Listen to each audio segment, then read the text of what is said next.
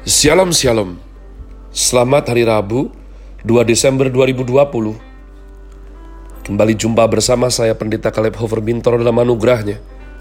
Penuh sukacita sampaikan pesan Tuhan melalui program Grace Word yakni suatu program renungan harian yang disusun dengan disiplin kami doakan dengan setia supaya makin dalam.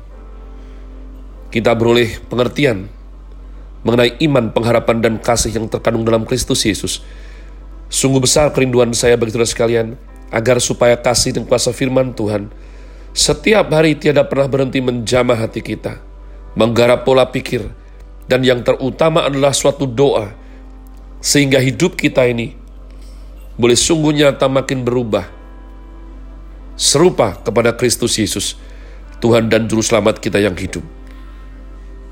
Masih dalam season winter dengan tema Advancing Grace Word hari ini saya berikan judul doa Bapa kami bagian ke-59. Doa Bapa kami bagian ke-59 sekali lagi jangan jemu-jemu untuk kita membuka yakni Matius Fatsal yang ke-6 ayat yang ke-13. Dan janganlah membawa kami ke dalam pencobaan, tetapi lepaskanlah kami daripada yang jahat. Lepaskanlah kami daripada yang jahat. Karena engkaulah yang empunya kerajaan, dan kuasa dan kemuliaan sampai selama-lamanya. Amin. Doa Bapa kami yang diajarkan Tuhan Yesus adalah doa yang menghidupkan kerohanian kita. Karena manusia hidup bukan hanya bersandar, bukan hanya dikarenakan pada roti saja, melainkan setiap daripada kalimat yang keluar dari mulut Tuhan Allah. Banyak doa agama-agama yang berdasarkan egoisme, keserakahan, dan antroposentris suatu kehidupan yang berpusat pada ego, pada diri sendiri. Doa yang memalukan adalah doa yang mencerminkan keserakahan. Hal demikian berlawanan dengan kalimat Tuhan Yesus. Barang siapa mau mengikut aku, ia harus menyangkal dirinya. Doa banyak orang tidak berdasarkan penyangkalan diri, tetapi upaya memuaskan diri. Itu membuktikan bahwa manusia tidak layak menjadi murid Kristus. Banyak doa yang sedemikian giat, semakin sungguh-sungguh, semakin kelihatan beribadah, justru semakin menyatakan egoisme diri sendiri. Sehingga manusia tidak bisa memperkenan Tuhan. Banyak orang yang beranggapan bahwa ketika manusia berdoa dengan sungguh, mereka dapat memperalat Tuhan. Dan Tuhan mau tidak mau harus memberikan anugerahnya kepada mereka. Jika seseorang tidak mau menyangkal diri, tidak mau menjalankan firman Tuhan, tetapi berdoa dan mendapat berkat, maka ngeri sekali. Ngeri sekali kalau ia berpikir bahwa berkat itu datang dari Tuhan. Justru di situlah titik letak daripada tipu muslihat jerat iblis yang banyak sekali tidak disadari oleh para manusia yang beragama. Di dalam Yakobus pasal 1 ayat 17 tertulis, setiap pemberian yang baik dan setiap anugerah yang sempurna datangnya dari atas, diturunkan dari Bapa segala terang Tuhan yang menjadi sumber segala terang. Beliau memberikan berkat yang baik. Jadi ketika engkau berdoa, meminta anak di gunung tertentu, atau kepada ilah lain, dan ketika engkau mendapatkan anak, anak itu sebenarnya berasal dari Allah, bukan dari setan. Ketika engkau meminta kekayaan kepada dukun, dan toh akhirnya menjadi kaya, Kekayaan itu berasal dari Tuhan Allah, bukan dari dukun. Tetapi ada juga anugerah dan kekayaan yang bukan dari Tuhan. Kekayaan, kelancaran, kesuksesan, dan kemakmuran bisa juga dari setan. Kesuksesan yang baik berasal dari Allah, tetapi kesuksesan yang tidak baik berasal dari setan. Jika engkau berdagang dengan benar, bisnis dengan baik, mendapat kekayaan bersih itu dari Tuhan tetapi memperoleh kekayaan melalui cara yang tidak benar, maka itu adalah kekayaan dari setan. Jadi hanya orang Kristenlah yang dapat membedakan sifat dan sumber berkat. Jika engkau tidak dapat membedakan semua ini, engkau pasti akan masuk dalam pencobaan dan terkena jerat iblis. Itulah sebabnya setelah Tuhan Yesus mengajarkan berdoalah jangan membawa kami masuk dalam pencobaan, beliau segera melanjutkan dengan lepaskanlah kami daripada yang jahat. Ketika seseorang berdoa kepada dewa, ilah atau berhala, ia selalu menyatakan apa yang ia ingini, kehendaki, berdasarkan egoisme daripada si pendosa itu sendiri. Terkadang ada imbalan dan ia mendapatkan apa yang ia minta. Ia bisa menikmatinya dan menganggap dewa itu asli. Di sini orang tersebut sudah jatuh ke dalam tipu muslihat si jahat.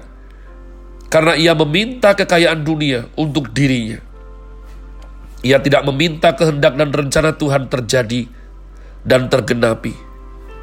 Kesucian Tuhan dinyatakan dan kemuliaan Tuhan dinikmati oleh Tuhan sendiri dan ia tidak dapat membedakan siapa yang bajik dan siapa yang jahat. Oleh karena itu, barang siapa yang meminta kebajikan dan keuntungan untuk dirinya sendiri, ia sudah jatuh ke dalam jerat tipu muslihat si jahat. Ma Tuhan saya perlu menggaris bawahi daripada pernyataan saya di atas, bahwa kalau ada orang minta anak kepada gunung tertentu, itu bukan dari setan tapi dari Tuhan. Maksud saya demikian. Ya, Tuhan adalah first cause. Tuhan adalah pengendali segalanya. Jadi jika ada manusia minta kepada gunung atau dewa tertentu dan dapat, itu seizin Tuhan.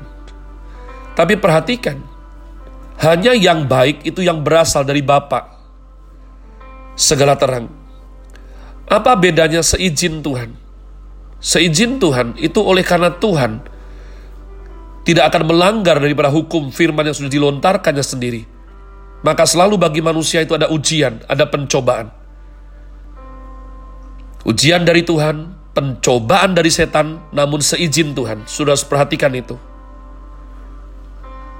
Maka memang betul, ada dukun tertentu yang bisa membuat orang menjadi kaya. Tapi apakah itu baik? Apakah keluarganya baik? Apakah mereka lalu mengenal Tuhan? Karena semua yang membawa kita masuk ke neraka itu tentunya tidak baik. Jadi ini harus difahami terlebih dahulu. Sehingga tidak salah kaprah untuk maju ke depan lebih dan lebih lagi umat Tuhan. Jadi lepaskanlah kami daripada yang jahat. Karena buat apa menerima seolah baik di depan, tapi ujungnya menjadikan kebinasaan banyak orang menyangka jalan yang lebar, yang luas, yang banyak orang berjalan di atasnya, namun ujungnya menuju maut. Jadi umat Tuhan, ini adalah sesuatu yang dikaruniakan hanya kepada anak saja. Kalau tidak anak, pasti tidak bisa membedakan. Terlalu banyak orang yang bergantung pada perasaannya untuk menjadi ukuran menentukan orang baik. Khususnya para wanita yang sangat berperan dan bermain perasaannya. Akhirnya ia masuk ke dalam jerat setan tanpa ia sadari. Ia beranggapan bahwa yang baik adalah orang yang lembut kepadanya, sementara yang keras atau tegas dianggap tidak baik.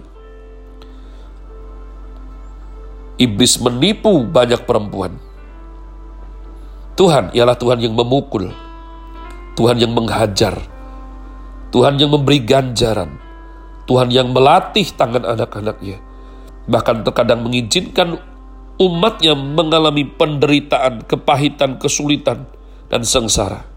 Tetapi Tuhan berkata, Aku tidak pernah berniat jahat kepadamu, tetapi aku mempunyai niat kebajikan untuk mencintai, melatih, menguji, membuat engkau diperlengkapi dan disempurnakan.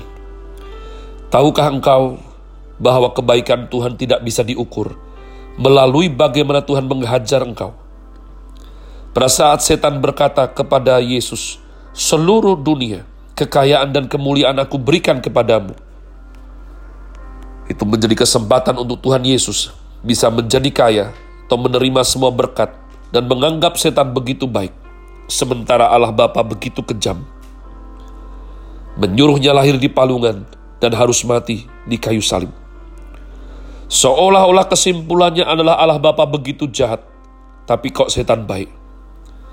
Tetapi Tuhan Yesus, Sang Hikmat itu sendiri, surya kebenaran, tidak bisa dijebak dengan cara penilaian yang sedemikian.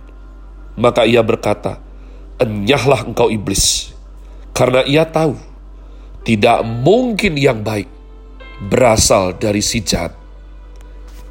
Mbak Tuhan, Cerdiklah engkau. Biarlah pikiran Kristus menguasai pikiran saudara saat ini. Camkan baik-baik. Jangan pernah ragu.